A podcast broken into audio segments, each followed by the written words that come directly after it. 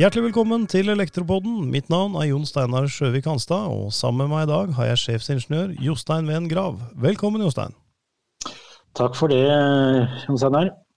Vi skal snakke litt om eh, den veilederen vi nylig har sluppet på batterisystemer i boliger. Det har vært et samarbeid eh, mellom eh, DSB, FFI, DIBK og Drammensregionens brannvesen og Nelfo.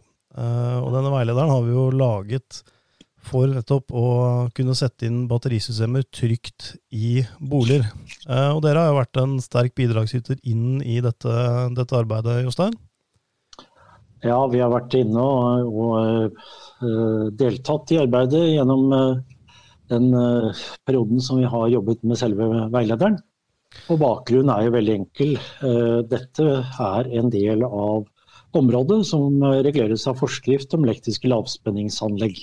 Ja. Jeg må si først av alt at jeg er veldig fornøyd med, med resultatet. Jeg syns vi har kommet fram til et veldig godt dokument. og Det, det tar for seg tverrfaglig både, både, det elektriske, men også det byggtekniske og, og batteritekniske. Og, og, ikke minst dette med, med brannaspektet. Altså worst case uh, scenario. Og, I forbindelse med dette lanseringswebinaret så fikk vi, fikk vi noen spørsmål eh, inn på sånn Q&A-funksjon, så jeg tenkte vi kunne gå litt gjennom det, Jostein. Ja. Eh, det skal vi finne klare. Ja, Så bra. så bra. Eh, det er jeg ikke bekymra for i det hele tatt. Et av spørsmålene som kom inn, det var hvilken status har veilederen som nå er gitt ut? Må den følges, eller er det en akseptert metode? Ja, som vi snakket akkurat om, så er jo dette regulert av forskrift om elektriske lavspenningsanlegg. Denne henviser til normen NEC 400 som jo er metoden for å kunne installere dette på en riktig måte og, ha det elsikkerhetsnivået som myndighetene krever. Mm. Utfordringen med NEC 400 er jo at har vært, vi har vært veldig tidlig ute. Slik at den normen, del, det, altså avsnitt eller delnorm 806 mm. i denne normen, Eh, er eh, si, snekret sammen. Det er jo et norsk sammensatt dokument. Mm -hmm. Og det er, det er, snekret sammen ut fra det vi da hadde som bakgrunn og, og informasjon og kompetanse den gangen. Ja, fordi Hvis jeg ikke tar helt feil, så var det jo snakk om noe, noe fra Sivilforsvaret og bomberom og blybatterier og litt sånne ting som har ligget til grunn for 806? Ja, ikke noe særlig sivilforsvar og bomberom uh, på den. De, okay. Det er en, en annen eh, delnorm. Ja. Det er vel 805. Uh, men problemstillingen var jo at 806 tidligere refererte til Eh, en del av de litt eldre standardene. Okay. Som egentlig gikk på stasjonære batterier, som egentlig var definert eh, altså omhandlet eh, bly-syrebatterier. Ja, med de utfordringene bly-syrebatterier har. Mm. Nå, nå, har vi litium-ion-batterier, og det er helt andre typer farer og problemstillinger som må håndteres. Og Derfor har vi vært med på at denne veilederen blir utviklet. Mm. Fordi den vil kunne være til hjelp for installatøren eller den som prosjekterer, til å de riktige, gjøre de riktige vurderingene og ta de riktige valgene. Ja. Det, det håper jeg at den blir, blir, brukt også og fulgt, fordi her har vi jo gått sammen og, og samlet de, de, beste ekspertene i bransjen for å ja, lage en best practice, uh, best practice sammen på, på området. Uh, et annet spørsmål som, som, dukket opp, det var dette at i veilederen så er det satt et temperaturområde fra 0 til 30 grader i omgivelsestemperatur. Uh, og det de lurer på da, er hvorfor er dette her begrenset når man kan benytte elbiler i, i alle slags temperaturer? da? Det er jo litt som ionebatterier i elektriske biler og sånn. Hmm. Ja, det er litt uh, morsomt spørsmål egentlig, fordi lading eh, eller, eller eh, elbilbatterier som er basert på litium-ion-batterier, mm -hmm. må helst ikke komme under fem plussgrader. Når de da blir ladet. Lades de ved en temperatur som er under fem plussgrader, så blir det nemlig da skilt ut rent litiummetall på, på elektrodene. Mm. Det er veldig uheldig, fordi det kan medføre eksplosjon og farer. Ja. Og så er det sånn at i en elbil så har vi et varmeteppe som ligger rundt batteriet. Så saken er den at når batteriet måtte komme og nærme seg fem plussgrader og ned mot null, mm ja da vil batteriet enten bruke strøm eh, fra seg selv, eller, eh, eller bruke en del av strømmen som det henter fra ladekontakten, mm. til å sikre at temperaturen er over eh, og på en riktig side av den sikre grensen. Det er det det der. Og når det gjelder batterier som er installert hjemme hos deg og meg, så er jeg vel ikke helt sikker på Jeg tror ikke de er laget med varmesystem, fordi det er ment å plasseres innendørs. Mm. Og de kommer eh, fra land hvor eh, det neppe er eh, spesielt kaldt. Ja, og så står det jo et, et beskytta miljø, uh, altså ofte innendørs, som du sier. da. Uh, ja. Og en del av de her bruker vel antagelig naturlig konveksjon også som, som kjøling. Kanskje noen har, har, aktive vifter. Men som du er inne på, så ligger det jo et varmeregister, eller ja, varme da, på mange av disse elbilene. Jeg har også sett at de har kjøling på batteriene for å rett og slett holde temperaturen innenfor en viss range når du lader, um, for å ta vare på, på batteriene. Og, og, det er jo ganske enkelt. altså Hvis du ser på Tesla Model S, så ser vi disse 18650-cellene.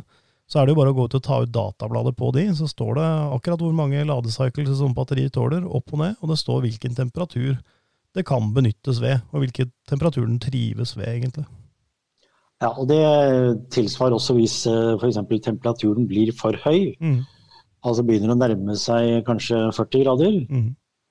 ja da har du en utfordring med at du reduserer levetiden på batteriet ganske dramatisk. Ja. Eh, da, begynner, da, begynner, ting eh, å, å, skje i kjemien i batteriet, så det er heller ikke ønsket. Så eh, hvis man har et, et batterisystem, så vil det normalt sett håndtere hele denne problemstillingen rundt eh, med batterimanagementsystemet. Mm. Uh, men det, det, er ikke bra å fryse ned et slikt batteri. Det, det, det, er, det er en veldig stor eh, utfordring å få det opp og virke igjen. da. Ja, og det er jo for så vidt Når det gjaldt bly syre, så var det sånn at hvis det var fullada, så kunne du jo stå ute fram til det var minus 30 grader i utgangspunktet med et toppladet blysyrebatteri, men hvis det var lav på lading, så så frøys jo og sprakk også de batteriene. Så man må jo mm, tenke på, mm. på temperatur på, på, den type ting òg. Ehm, jeg må jo tenke, eller jeg kom jo da på det Paul Rosenquist sa, altså det er med batterilading som det er med barneoppdragelse. Det er lav temperatur og tålmodighet som, som teller, og han hadde mye rett i det, tror jeg. Han hadde jo kjemibakgrunn også. Det er det som er, Du kan jo si at når batteriet begynner å komme seg, nærme seg 85 80-85 så går jo eh, ladesystemet opp eh, over i nesten det vi kaller for vedlikeholdslading. Altså det kan lade mm. raskt opp til 80% men når du begynner å nærme deg opp i over 80% så begynner elektronene å ha litt utfordringer med å finne tomme hull mm. på elektroden.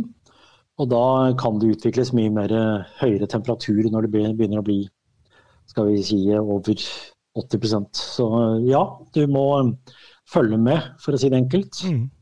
Eh, og det gjør battery management-systemet.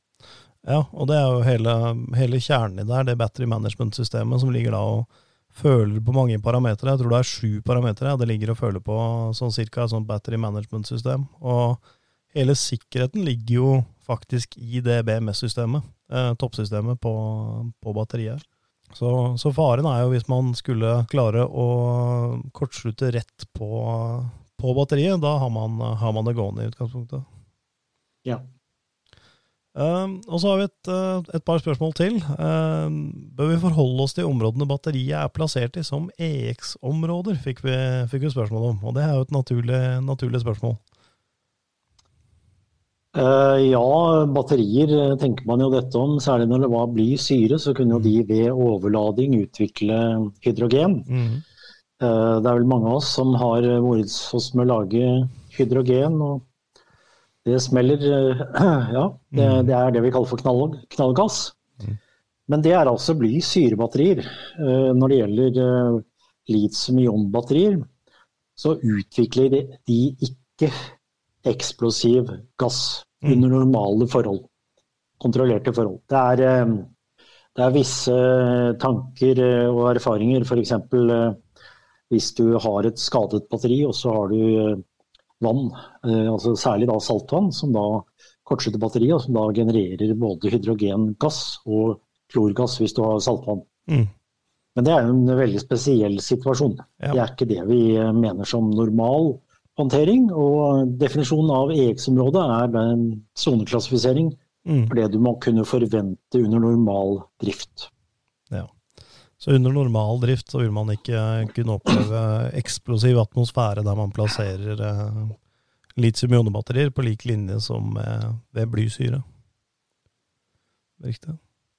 Uh, en annen ting er jo det at vi skal ha med oss disse batteriene her sånn. Uh, og der fikk vi inn et spørsmål om dette med fraktbrev, som kanskje ikke er det vi har fremst i, i pannelappen i, i, vår bransje. Uh, og da er spørsmålet er det krav om å ha fraktbrev med i bilen når man frakter litium-ionebatterier, og spiller det noen rolle om det er over eller under 333 kilo, som er en, er en grense her i forhold til dangerous goods? Ja, Grensen på 333 kilo høres litt rar ut, men eh, ADR-systemet har et slags eh, altså regelverket. Det, det, vil si på norsk eh, transport av farlig gods-regelverket, som DSB også forvalter. Mm. 333 kilo av litium-ion-batterier tilsvarer da 100, nei, 1000 poeng i ADR-regelverket. Og Da blir det en slags skjæringspunkt mellom to ting. Er det under 33, nei, 333 kg, så, så, trenger ikke sjåføren å ha et bestemt ADR-kompetansebevis. Eh, men eh, han må ha litt opplæring mm. For å kunne håndtere dette. Mm. Men fraktbrev trenger du naturligvis uansett. Ja. Fordi du trenger jo da å måtte kunne dokumentere at det faktisk er litium-ion-batterier. Ja. Og du må kunne dokumentere at eh, det er under eh, den grensen som er på 333 kg. Ja.